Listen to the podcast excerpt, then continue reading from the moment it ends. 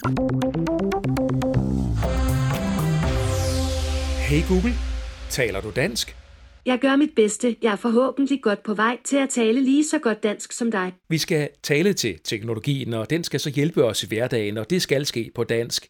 Men hvordan lærer man dansk til et system som Google Assistant, som du finder i din smartphone, eller i Google Home og Google Home Mini, der netop er lanceret i Danmark? Det handler den her episode om. Der er tale om en lidt længere episode end sædvanlig, men det er også fordi, jeg har et par helt særlige gæster. Den slags gæster, der sjældent stiller op til interview. Derfor der har jeg afsat lidt ekstra tid, og det betyder så også, at et par af de sædvanlige punkter er udgået fra podcasten her, men det samler jeg op på i næste episode. Nu her i den her episode, der kan du møde Chris Chan.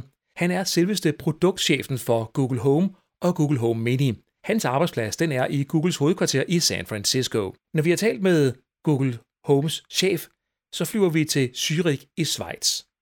Hvor langt tror du egentlig, der er fra San Francisco til Schweiz? Du får lige en tænkepause. Afstanden fra San Francisco til Zürich er 9.364 km. Og her der sidder Anna-Katrine Jørgensen. Hun har i to år haft Google Assistant på intensiv danskkursus.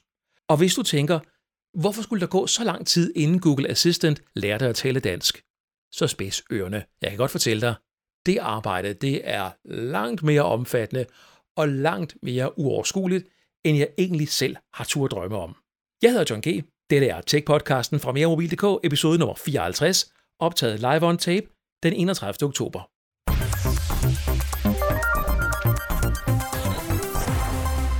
Først skal vi have et lille kort tilbageblik på den foregående episode, nummer 53. Her kan du høre et par bud på, hvorfor Apples iPhone nyder så enormt stor popularitet, som det er tilfældet i Danmark. Her er et bud fra tech-redaktøren på Ekstrabladet, Heine Jørgensen. Der er simpelthen øh, en have, som de har inviteret os ind i, hvor det dufter godt af dejlige blomster, hvor iMessage gør, at vi kan sende billederne i øh, fuld opløsning, øh, hvor enhederne taler med hinanden øh, på tværs, og det er jeg slet ikke i tvivl om, at det har tiltalt brugerne.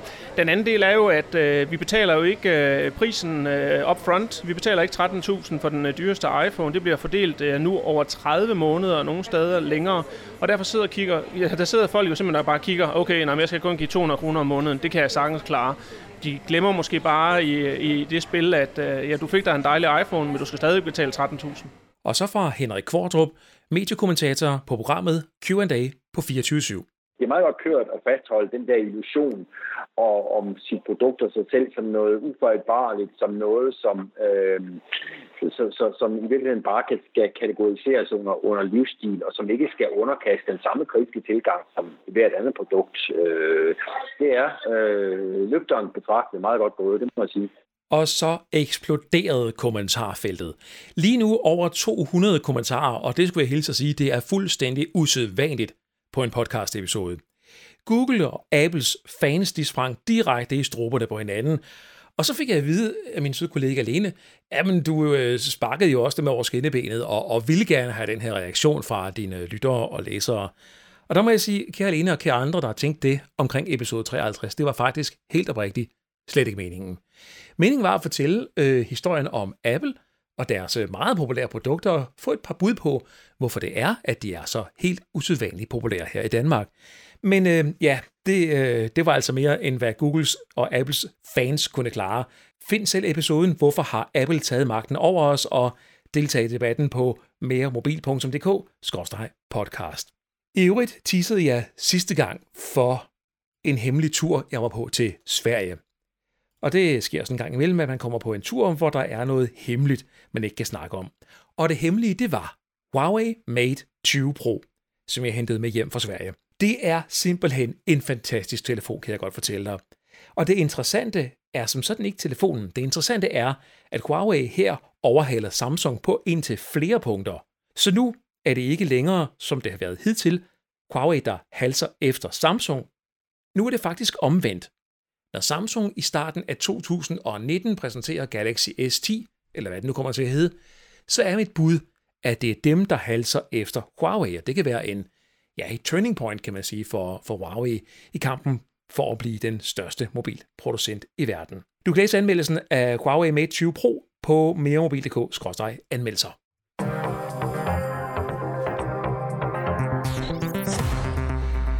Google har sluppet Google Assistant, Google Home og Google Home Mini fri på det danske marked, men forud er gået et enormt stort stykke arbejde. Hvis en dansk lancering skal give mening, så skal det være en rigtig dansk lancering, og ikke bare en robotcomputer, der taler til dig, og hvor du selv skal tale som en robot for at få de rigtige resultater. Der skal tænkes over sprog, dialekt og kulturvidigheder og mange, mange, mange andre ting. Men når en digital assistent for alvor fungerer, ja, så er det nærmest en berusende oplevelse. Og her står vi så ovenikøbet kun ved begyndelsen. Det ultimative mål er, at vi skal kunne have en samtale med assistenten. Nu skal du møde en fyr, der hedder Chris Chan. Chris, han er faktisk også kendt under navnet Christopher, og han er produktchef for Google Home-produkterne. Jeg mødte ham i København i forbindelse med den danske præsentation af Google Home. Og Christopher Chan, han har altså daglig sin gang hos Googles hovedkvarter i San Francisco. The language capabilities are something that we've been investing in for years. Um, as you can see in tools like Google Translate, uh, we've had a, a, a deep understanding of how to translate um, speech to, to language and language to text. Um, the the hard part actually of uh, for for something like the Google Assistant or Google Home uh, to enter a country is actually the proper localization to ensure that we know directions to the nearest workplace, that we understand cultural references. Um, that actually is the, the sort of big hurdle that, that needs to be jumped in order to enter um, a, a, new market or a new country like Denmark uh, thoughtfully and, and in a way that, that resonates with, with customers there. So, how is it possible to, to learn a machine something about the Danish culture or the Chinese culture? Uh, well, that, that that's the art to it. It's it's a mix of humans and, and machines. Um, and so, uh, as an example, I don't I don't know of the specific jokes or delight features, but uh, maybe maybe you do. What I do know is that a lot of time is spent on it, and, and humans work to tune the algorithms, and it's kind of a, an interesting kind of side by side co development that happens. The voice that we are listening to when we get responses from the Google Home or the Google Assistant, is that actually a real person or is it a computer generated voice? Uh, great question. So um, we actually do have uh, real voices, and it's sort of complemented by um, the synthesis of uh, via via machine learning algorithms uh, to to fill out words because you cannot have a human voice saying every single word in the English dictionary and then ultimately combining them in ways that sound like a human being. Um, that's actually where speech synthesis has struggled for decades. It always sounded like a robot. It always sounded like a computer. Um, and I think this is one example of many of how when you use um, cutting edge techniques in, in AI, um, you can make a voice sound human. Why do you at Google think that uh, people are interested in talking to uh, some kind of technology? Oh, it's it's less about the talking and it's more about the tool um, when you start to realize how convenient it, it is to have hands-free help um, in every room of your home, it, it's hard to, to turn back. So the first use case that people tend to discover is music, that having a voice-activated music player is incredibly convenient in the home because you may be cooking in the kitchen or getting up, uh, you know, uh, putting on your clothes for the day, and you don't want to reach into your pocket for your phone or uh, uh hunch over to kind of browse for what song. You just want to say, "Okay, Google, play music." Music. And uh, once you realize that, then it starts to spill over into other use cases, and you realize that the Google Assistant and Google Home can be helpful at every single part of your day, from figuring out the traffic uh, to get to work, to when you return home, listening to music to unwind, uh, to helping you uh, find answers, uh, to you know cook in the kitchen, and then finally to relax at the end of the day to watch TV. Which target groups do you think that uh, initially will use this technology? Google Home is for everyone. Anyone who um, could benefit from hands-free help in the home, uh, that just wants to get things done, that needs to find information, that wants to be entertained. Um, we've seen traction in all age ranges, uh, as well as uh, demographics and uh, families in particular. So how about uh, people that are some kind of disabled? Uh, well, th- these features could be used in, in that way as well uh, for people who cannot see or uh, have other disabilities. Google Home is life changing for folks with disabilities. Um, I, we we just uh, I think helped uh, make a, a, very touching video about someone suffering from muscular dystrophy, and Google Home gives him superpowers, uh, which is just something very very uh, rewarding to see. Is Google Home a toy, or how do you consider the product?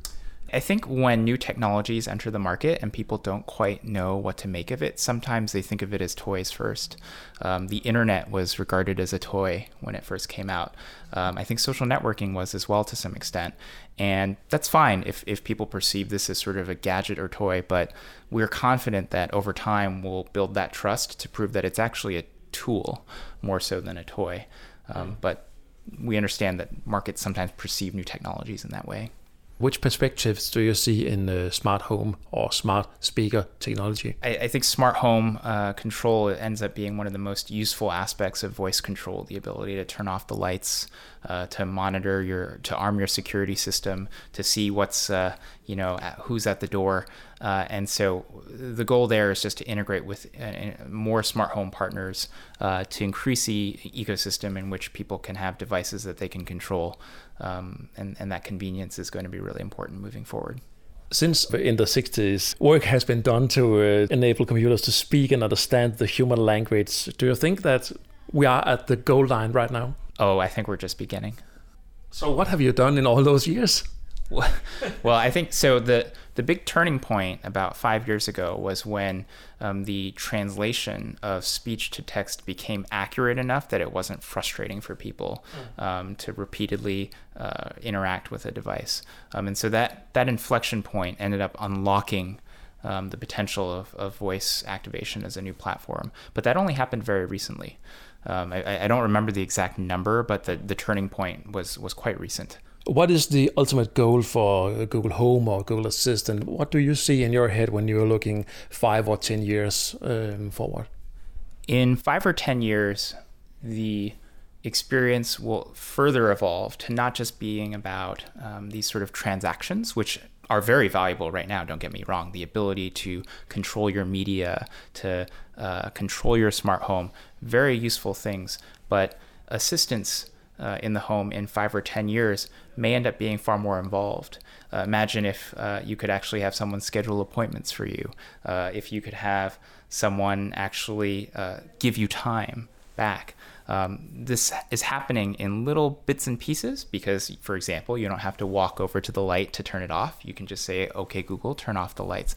However, um, there, there's a much bigger kind of vision or possibility um, if if you actually dig deeper into what it means to have assistance in the home, um, and if if you have the Google Assistant and Google Home saving people substantial amounts of time, then they can families can spend more time with one another, that they can read more, that they can enjoy each other more, um, that they can pursue new hobbies. And I think that's when the, the technology becomes really, really meaningful. Still very early. Um, right now, as I mentioned, it feels a little transactional. You want one thing and then the assistant does it for you, but there isn't necessarily that back and forth. We've made some progress. For example, uh, our continued conversation feature allows you to follow up with queries, but it's still a little rules based. It's still a little robotic.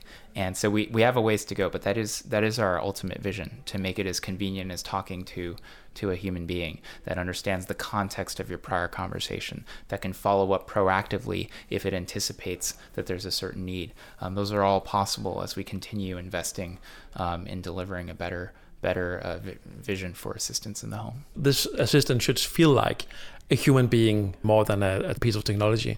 That's right. Hvis det lykkes Google at menneskeliggøre Google Assistant, så bliver fremtiden temmelig vild, kan jeg godt sige dig. I det næste indslag, der kan du møde kvinden, der har lært Google Assistant at tale dansk. Og det har været et forpustende stort stykke arbejde, for hvordan lærer man et stykke teknologi forskellene på for eksempel mand og mand, eller mor og mor. Men først skal vi have et stykke musik. Hey Google, syng en sang. Jeg sidder her bag skærmen og venter på dit ord. Hvad end du må vil søge, så er min viden stor. Jeg er Google-assistenten, jeg hjælper hvor jeg kan. Jeg kender hele nettet, men spørg mig ikke hvordan. Hvis du skulle være i tvivl, så er du stadigvæk med på Tech-podcasten fra meremobil.dk. Mit navn er John G.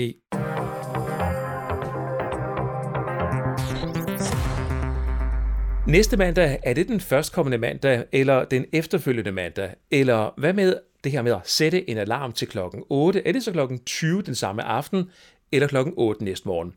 Alt dette, det ved Anna-Katrine Jørgensen ret meget om. Hun er nemlig sprogteknolog og arbejder ved Google i Zürich. Og Anna-Katrine har i de seneste to år været med til at give Google en dansk stemme. Anna-Katrine, velkommen til podcasten. Tak skal du have. Hvad er det, der gør det danske sprog så svært at lære for en digital assistent? Ja, øhm, der er et par forskellige ting, der gør det svært. Øhm, det første er selvfølgelig udtalen på dansk, som, øh, som, som jeg tror alle, der har prøvet at lære dansk, øh, ved er et, er et problem, fordi vi har så mange forskellige øh, svære udtaler. Så øh, alle vores vokaler ligger lige op ved siden af hinanden, så forskellen på mænd og mænd og mand, de ligger lige ved siden af hinanden. Så det gør det svært at, at, at, at høre den rigtige vokal. Og så er der et andet problem, som er øh, med stød, at vi har forskellen på mand og mand, er kun om man har et stød, og det er sådan et, et lille luk i halsen, som man laver. Så at, kunne for, at forstå, hvad man siger, sådan rent lydmæssigt, det er enormt svært på dansk. Og så slikker vi selvfølgelig også en hel masse af bogstaverne ind, øh, som aldrig bliver sagt. Anna-Katrine, kan du prøve at give et eksempel på, hvad øh, det kunne være for en udfordring? Ja, altså for eksempel øh, et ord som selvfølgelig. Der siger man selvfølgelig, øh, men i virkeligheden er der 12 bogstaver. Så det er svært for system. Systemet skal ligesom have lært, at, øh, at der er mange af de bogstaver, som vi måske skriver, som vi ikke udtaler. Og at konteksten for de bogstaver øh, kan have en stor indflydelse på, hvor mange af dem vi siger, og hvor tydelige de er. Så rent udtalemæssigt er, er dansk enormt svært. Og så er der øh, nogle andre parametre på det, som er, er svære. Øhm, det kan være øh, for eksempel sådan noget som sammensatte ord, hvor fordi dansk øh, kan sætte næsten hvad som helst sammen, øh, så bliver øh, ordforrådet på dansk enormt stort. Fordi man kan sige øh, pigeskole. Det er så en, en speciel skole, hvor der kun går piger. Men man kan også sige en lørdagspigeskole, eller en øh, eftermiddagspigeskole, eller hvad det kan være. Så man kan hele tiden sætte noget foran, øh, som gør, at man laver et nyt ord, som, øh, hvor meningen er gemt i de forskellige ord, man bruger, og man bliver ved med at sætte noget på, som, som ligesom udfordrer systemet til at forstå, hvad, hvad er det så for en, for en, en genstand eller, eller en ting, man prøver at beskrive. Det lyder som om, at du har det ondeste Excel-ark foran dig. Hvordan foregår det her arbejde i praksis? Altså sådan helt ned der, hvor I startede. Altså, hvordan i alverden griber man det her an? Noget, som har været øh, rigtig heldigt for os, er selvfølgelig, at, at Google, der er mange Google Services, der allerede eksisterede på dansk. Så man kunne allerede lave øh, øh, en søgning på Google med sin stemme. Så stemmesystemet fandtes i forvejen. Man kunne, øh, Google kunne forstå, hvad det var, man mente rent lydmæssigt. Og så har der været selvfølgelig en hel masse øh, andre systemer bagved, som vi også gør stor brug, stor brug af, som har været bygget øh, til også til andre produkter fra Googles side. Og det er for eksempel sådan noget som search. Det er, at man kan søge på noget på dansk. Det er ikke en selvfølge. Der findes mange andre sprog, hvor, øh, hvor øh, supporten til det er meget mindre. Fordi enten at der ikke findes så mange øh, tekster på det sprog øh, på nettet, eller fordi det ikke er blevet udviklet endnu. Så det har vi været heldige med, at de systemer allerede fandtes på dansk. Øh, og så oven på det har der selvfølgelig været hele det øh, assistant-univers, som har skulle bygges øh, til ligesom at at kunne øh, gøre brug af de forskellige virkemidler, der allerede var, og så give brugerne den oplevelse, det er at bruge assistenten. Og der er der sådan noget som at kunne forstå og, og sætte en alarm, for eksempel, og øh, det du nævnte, nævnte i din intro med, om hvad betyder egentlig så næste mandag, øh, og, de, og den slags ting. Og de systemer har vi så måttet bygge øh, specifikt til dansk, og nogle af dem har vi så øh, øh, brugt så meget vi kunne fra, fra andre sprog, og ligesom lagt os op af, at for eksempel har tysk også samme problem med, eller problem, samme skønne øh, øh, sprogmuligheder med at sætte ord sammen, så man laver nye ord. Øh, så vi havde allerede mødt nogle af de problemer, som, som vi har mødt på dansk, har vi allerede mødt i andre sprog, men på en lidt anden måde. Så der har vi, øh, der har vi lånt så meget, vi kunne, og så udviklet specifikt øh, for dansk, så det blev, blev et rigtigt dansk system, som forstår dansk på alle de måder, man kunne tænke sig at spørge om på hvis man nu skulle lære en person, der ikke kan tale dansk, at tale dansk, så er det jo nogenlunde nemt, nemt at gå hen og forklare vedkommende og sige, nu skal du høre her, der er ordet mand og mand. Og de lyder måske nogenlunde ens, men de er ikke ens. Hvordan, altså, man kan, jo ikke, man kan vel ikke, jeg forestiller mig ikke, man har en mikrofon, der hedder Google Assistant-mikrofonen, og man går hen og siger, nu skal du høre her, ven, mand og mand er ikke det samme. Altså, hvordan, hvordan putter man det ind i maskinen? Jamen, det, øh, det, det er et rigtig godt spørgsmål. Altså, på, på en måde er det faktisk lige præcis det, man gør. Fordi øh, øh, man bliver nødt til på en eller anden måde at få det gjort klart, at mand og mand har to forskellige øh, talte former. Så selvom de, de, de ligner hinanden og ligger tæt op ad hinanden, så øh, repræsenterer de to forskellige ting. Øhm, og det er i virkeligheden også at man siger til en, der er i gang med at lære dansk. Ikke? At der er to ord, de ligner hinanden, både stavemåde og i talmåde, men de betyder altså to forskellige ting. Øhm, så, så i praksis øh, kan man sige, hvis man snakker med øh, en, en, der er i gang med at lære dansk, så øh, fortæller man jo også, så giver man dem noget data, ikke? så siger man, at der er de her to forskellige former, de ligner hinanden, men de er altså ikke det samme, og du bliver nødt til at kunne kende forskel på dem. Og du bliver nødt til at kunne producere dem. Så du bliver både nødt til, at når jeg siger det ene ord, så skal du forstå, hvad det var for noget, jeg sagde. Og du bliver nødt til at kunne bruge det rigtige i den rigtige kontekst. Og det er faktisk på mange måder præcis det samme, man gør, når man øh, træner et system til at kunne forstå forskellen på mand og mand. Man siger, de her to former, de ligner hinanden, men du bliver nødt til at kende dem. Øhm, og du bliver nødt til at kunne adskille dem, og du bliver nødt til at kunne producere dem i den, i den rigtige kontekst. Og det har både noget at gøre med øhm, selve lyden, altså forståelsen af, af lyden, og så har det noget at gøre med at forståelsen af, når, hvad betyder de to ord så? At, der, at øh, det er fint nok at kunne kende forskel på dem, men man bliver også nødt til at forstå, hvad det så er, mand betyder.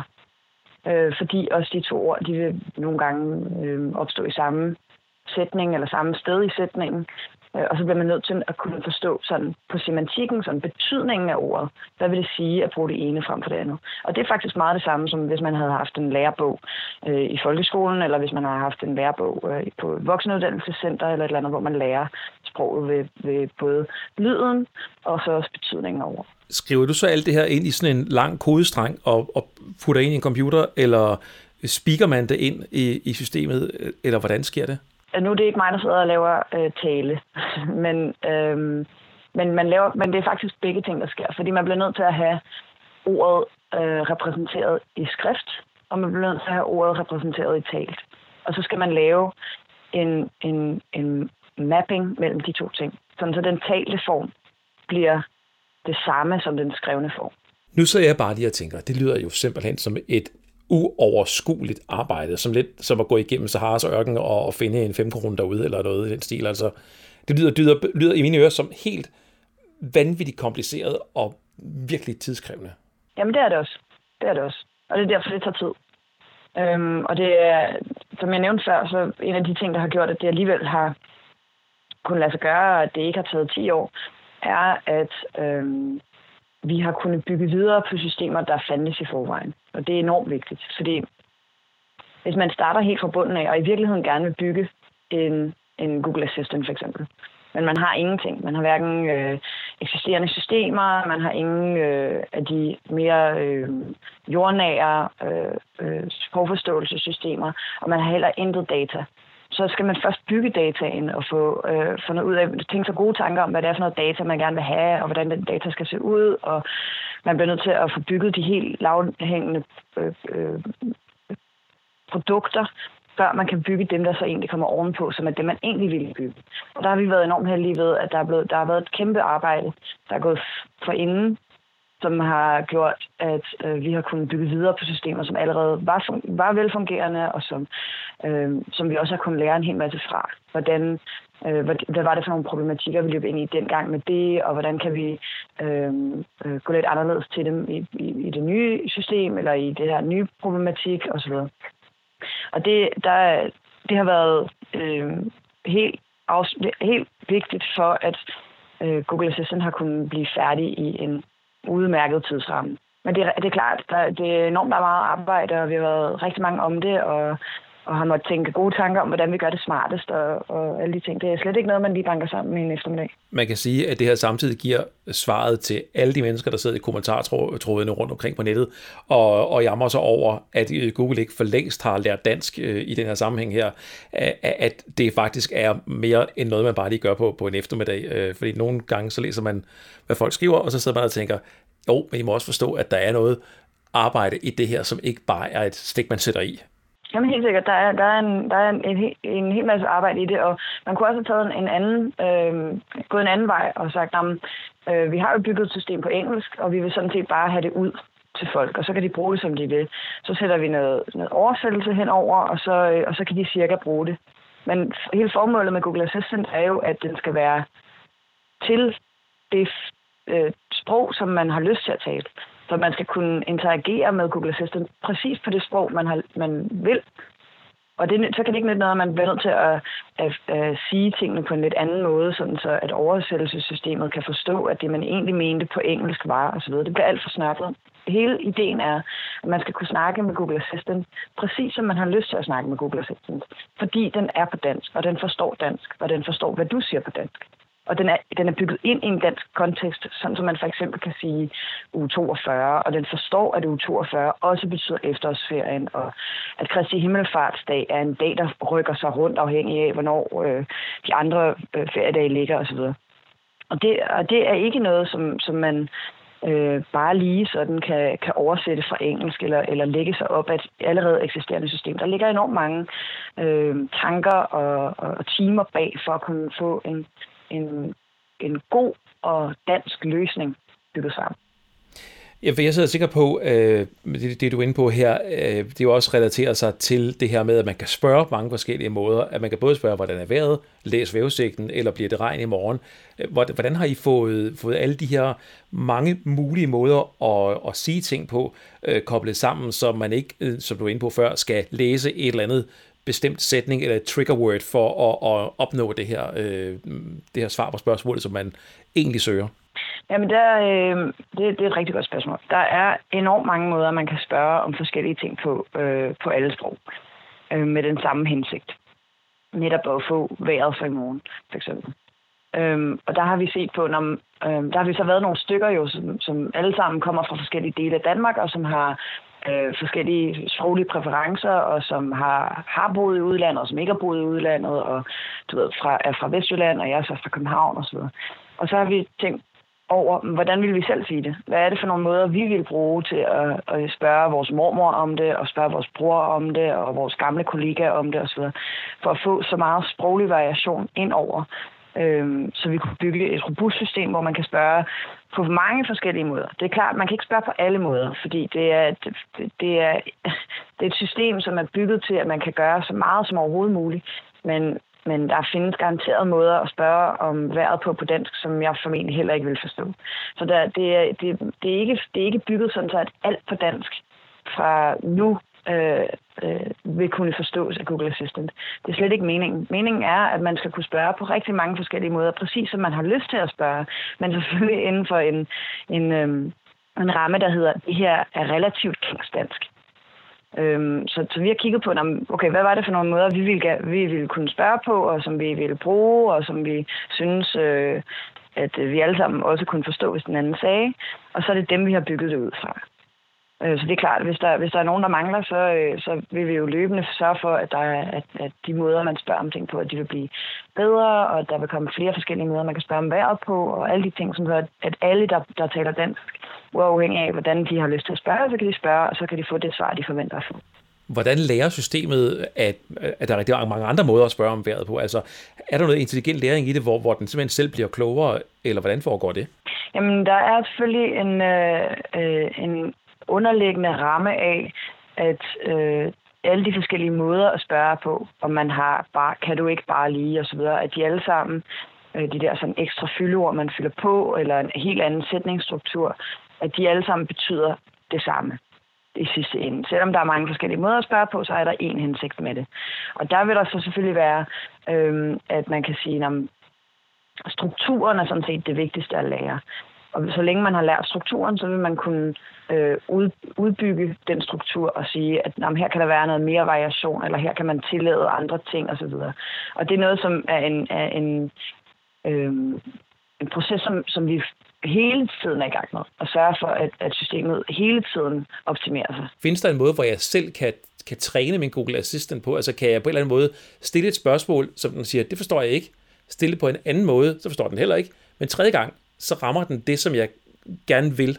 Og så kan jeg så give den en feedback og sige, det var faktisk det, jeg mente. De to foregående spørgsmål, jeg stillede, var også det samme. Eller du ved, sådan, kan man som bruger på en eller anden måde påvirke systemet? Øhm, ja, altså det øh, ikke lige på den måde, som du siger det der. Men det er noget, som øh, hele den interaktion med brugeren, hvordan, hvordan man får øh, oplevelsen fra brugerens side med Google Assistant øh, til at forbedres for den individuelle bruger. Øh, det er noget, som er et enormt interessant øh, forskningsområde, øh, fordi den berører enormt mange ting. Der er sådan noget som hukommelse for eksempel. Hvad er det for nogle ting, som du gerne vil have, at jeg husker for dig? Øhm, og så er der sådan noget som sproglige præferencer. Hvordan udtrykker du dig normalt, når du mener det her, osv. Og det, det, der, der ligger enormt meget forskning der, som, som, øh, som stadig bliver nødt til at blive lavet. Øhm, hvor gode tanker skal tænkes, og der skal laves en hel masse eksperimenter for at finde ud af, Øhm, hvad er det, er det positivt, hvis, hvis, hvis vi gør sådan, og er det, er det negativt, hvis vi gør sådan? Og det er noget, som også, øh, jeg ved, øh, arbejdes på ude på universiteterne. Øhm, men man kan godt sende feedback til, øh, til assistenten. Øh, så kan det være sådan noget som, det var ikke det, jeg mente, eller øh, det var ikke det, jeg sagde, og så videre. Og det bliver sådan videre, og det tager vi seriøst og, og kigger på. Øhm, men, men, øh, men sådan den individuelle læring for, den, for individet og, og sådan forholdet mellem din Google Assistant og dig, det er noget, som, som stadig er i udvikling. Hvordan håndterer I dialekter som øh, sønderjysk og københavnsk og vendelbomål? Og ja, jeg er jo fra Odense, så vi taler lidt anderledes herovre mm. jo, end vi gør i København. Ja. Hvordan, øh, hvordan håndterer det? Nej, vi har ikke så mange stød. Jamen, vi er... Øh, flyder lidt mere på, øh, på ordene. Ja, det kan jeg. Det kan jeg. Øhm, der er i, øh, i, dialekt, i, i dialekter er der også to ting. Øhm, der er nemlig udtalen, som, som du så er inde på, for eksempel med fynsk. Og så er der øhm, ordforrådet. Hvad er det for nogle ord, man bruger, når man så siger noget? Og de to ting er det, som man normalt sådan sætter sammen og kalder en dialekt. Og i virkeligheden er det sådan med alle sprog, at de har et, et dialekt øh, øh, continuum, hvor der, man kan sige, de ligger altså, alle de danske dialekter ligger re, relativt tæt på hinanden, hvis man sammenligner for eksempel med tysk. Altså, øh, hvor tæt er fynsk på københavnsk sammenlignet med fynsk på tysk. Så de danske dialekter ligger allerede sådan rundt om hinanden. Men så er det klart, der er øh, forskellige øh, øh, ord, som bliver brugt i forskellige områder af landet. Det kan være møgen for eksempel. Det kan også være træls. Øh, og så er der øh, udtalen, som er øh, på dansk især øh, markant. At der er forskel på for eksempel Bornholmsk, hvor man synger lidt mere, og så øh, Københavnsk, hvor man bestemt ikke synger, og så Fynsk, hvor man øh, ikke har, ikke har stået, eller ikke har særlig mange stået. Og der bliver man nødt til et system som, som Google Assistant, der bliver man nødt til at lave en, en evaluering af, hvor, hvor, hvor sikker vil man være på det, der bliver sagt? Hvor sikker vil man være på, at man forstår det, der bliver sagt? Og hvor, hvor meget vil man sørge for, at alle kan sige, som de vil? Og med det mener jeg, at hvis man vil sørge for, at alle kan sige, hvad de vil, på den måde, på deres egen dialekt, der hvor de kommer fra, som de ville sige det nede i supermarkedet hos, øh, hos den lokale købmand, øh, så bliver man nødt til at sørge for, at systemet tillader relativt stor variation. Øhm, og det vil så sige, at når, hvis man kommer fra Bornholm, og man synger lidt mere, jamen, så forstår systemet godt, at når, nu er vi i gang med at synge, så der, øh, der, der tillader jeg lidt, at der er lidt, lidt større sproglig variation, end, end det jeg oprindeligt egentlig har lært. Øhm, hvis man gør det, så, så øh, indbygger man også en automatisk en tvivl, ikke? fordi man siger, om jeg hører et input, og så tillader jeg med det samme, at der er stor variation. Øh, så det kan være, at jeg øh, måske ikke får det rigtigt, selvom jeg øh, hører noget, som ligger meget tæt op det, som jeg egentlig har lært, fordi man tillader variationen. Så øh, det er sådan en afvejning af, hvor meget vil man sørge for, at øh, man kan udtrykke sig fuldstændig, som man vil, på, på, øh, på meget stærk dialekt for eksempel, og hvor, meget, hvor meget vil jeg sørge for, at jamen, størstedelen af Danmarks befolkning skal kunne sige det på, øh, på deres dialekt, øh, og kunne blive forstået korrekt. Og det er sådan en afvejning, som, som alle systemer, der, der bygger, øh, der bygges, øh, har en overvejelse ind i, i sig op. Den balance mellem de to ting. Så jo mere man øh, synger på ordene eksempelvis, jo, jo større variation tillader algoritmen, og dermed også med den risiko, at den forstår forkert, eller hvordan skulle det forstås? Ja, det kan, sådan kan man godt sige det, ja. ja. ja. Øhm, okay, nå, det, det er da, det er da pokkers arbejde, I har i gang i der, skal jeg da lov for.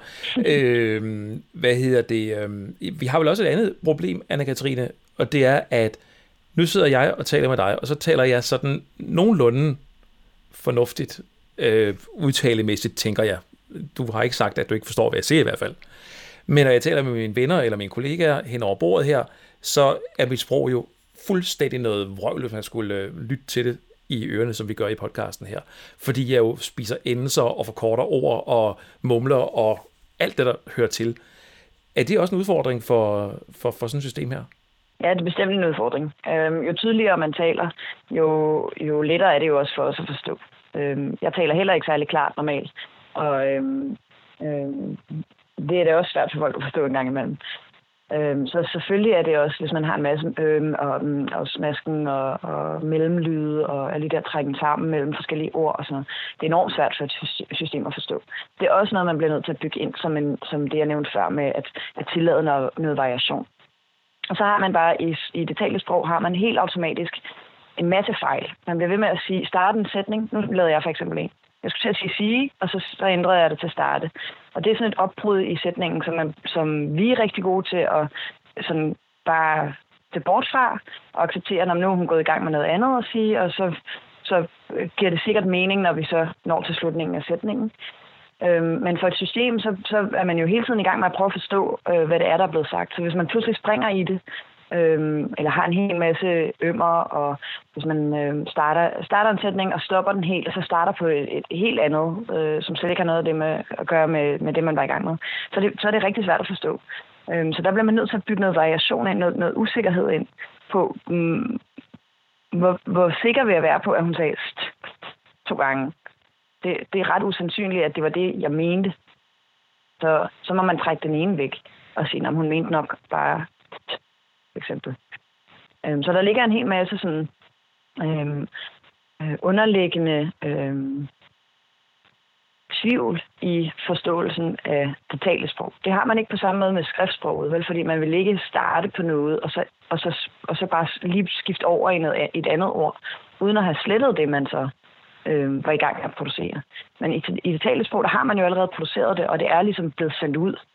Hvorimod med en besked eller en e-mail eller et eller andet, der skal man jo først trykke send, før den bliver sendt ud. Så der har man tid til at redigere og få, få gjort sproget øh, korrekt og regelmæssigt og sat punktum og, og du ved, øh, streg over t'erne og så videre. Øhm, så på det, i det tale sprog, der er det, det er svært, fordi der er så meget, der er så mange fejl. Der er så automatisk mange fejl i det, man siger. Og nu du lige er ved, ved nu nævnte du ordet punktum der, kunne I så ikke lige, lige, lige et ønske her fra Fyn af, kunne I ikke lige få puttet ind, at man kan sige punktum, komma og smiley i det der system, når man sidder og skriver tekster? jo, jeg skal gøre mit bedste. Ønsket er givet videre, Anne-Katrine Jørgensen. Er dit arbejde slut nu? Altså har du smidt benene op på bordet og, og laver andre ting, eller, eller hvad sker der nu omkring uh, Google Assistant og Google Home og, og alt det arbejde med sproget, du har været en del af? Nej, det, det, det er jeg bestemt ikke færdig med. Der er en, en rigtig lang øh, øh, periode, hvor vi bliver ved med at, at forbedre og sørge for, at det system, vi allerede har bygget, bliver bedre og bedre og kan flere og flere ting. Øh, så det var også øh, løbende komme nye features til, og man kan spørge om flere måder, som vi allerede har været inde på osv. Det er absolut et stort, et stort arbejde, som bestemt ikke er færdigt. Og så er der selvfølgelig øh, løbende øh, andre projekter, som også har noget at gøre med dansk, øh, som, som, som jeg også er en del af, og som jeg håber på, at vi alle sammen snart vil kunne få, få brug af. Øh, men det er alt sammen sådan lidt øh, øh, løbende projekter, som, som, som jeg ikke lige ved, hvornår der er en deadline på. Og hvis jeg kender store amerikanske virksomheder korrekt, så vil jeg ikke spørge, hvad det er for nogle ting, du arbejder med, fordi det vil du sikkert ikke svare på. Nej, det er rigtigt. Men jeg synes, det har været super, super spændende at høre øh, om det øh, arbejde, som I, I og du og alle de andre har været øh, med i og stadigvæk arbejder på. Og, øh, og så kan jeg sige, at vi jo allerede nu er i gang med at, at, at nyde jeres arbejde herhjemme i, øh, i Odense, og er også rigtig glade for alle de andre øh, sjove ting, som, øh, som jokes og sange, og ja, den kommende julekalender, øh, som også ligger i systemet, som man kan bruge og, og lege med. Så øh, tusind tak for den store indsats. Ja, selv tak. Jeg er glad for at høre, at den blev så godt imod.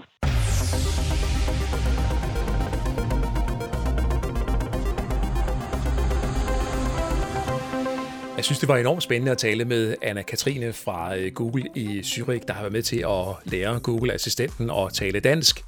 Det er lidt sjovt at tale med nogle folk, som sidder med hænderne så langt nede i materien og ved så meget, og høre lidt om de overvejelser, der er, når man laver sådan nogle ting som at lære en assistent eller en computer, som det jo er, at tale et sprog som dansk. Det er, det er nogle ting, man ikke sådan lige tænker over i, i hverdagen, hvordan sådan noget det foregår. Det kan, jeg, det kan jeg lige så godt sige. Inden vi runder helt af, så lige et par uh, mails, jeg har fået ind på John G. meremobil.dk. Du må meget gerne skrive til mig, hvis du har lyst til at komme med inputs eller feedback på podcasten her. Her kommer en uh, mail fra Peter Bue, og Peter han skriver, Hej John, tak for et godt podcast. Jeg abonnerer på 20 tekniske podcast. Du er den bedste. Jeg håber, jeg håber, at du fortsætter lang tid endnu. Jamen tak skal du have, Peter Bue, og øh, han kan så i øvrigt underskrive sig med ingeniør hos IBM, og så lytter han med via sin Samsung Galaxy S7. John G. Snabel mere mobil.dk, hvis du vil komme med inputs, ligesom Jesper Dus Jørgensen har gjort.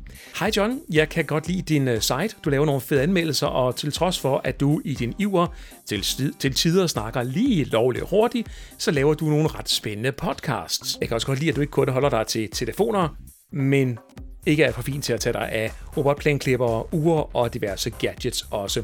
Jeg er PT bosiddende i Vejle og arbejder i Sønderborg, så det seneste stykke tid har jeg lyttet til rigtig mange af dine podcast, cirka to og en halv time på vejen hver dag. Tusind tak for, for mailen her fra Jesper Dus, Sønderjyden bosat i Vejle, som man skriver. Hvis du har lyst til at komme med feedback til podcasten her, så vil jeg blive rigtig glad. Det er altid rart at høre, nogen, der, hører fra nogen, der lytter med. Og særligt, hvis det er noget, de har, de har noget pænt at sige, du skriver til John G. meremobil.dk. Og hvis ikke du har noget pænt at sige, ja, så skal du være meget, meget velkommen alligevel på min mail. Jeg besvarer alle de mails, der kommer ind. Det her skal der ikke nogen tvivl om, men nogle gange kan der godt være lidt ekstra svartid. Hvis du har lyst til at distribuere podcasten her, så er du velkommen til at kontakte mig. Udsendelserne her de stilles gratis til rådighed. Og lige nu der sendes vi på FM via Radio Næstved og Radio Freja blandt andet. Og så er du også velkommen til at dele episoderne her med dine tech-venner, så vi kan komme endnu længere ud. Og husk nu også, at podcasten desuden også er tilgængelig til download via Spotify som noget forholdsvis nyt. Den næste episode, det er episode nummer 55. Den udkommer omkring den 21. og 22. november 2018. Mit navn er John G. Tusind tak, fordi du lyttede.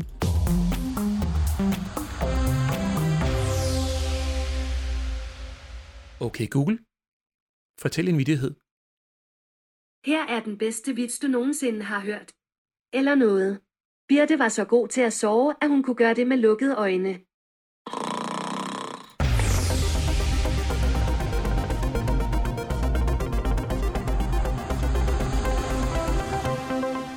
Tak for den gang, og på genhør i episode 55.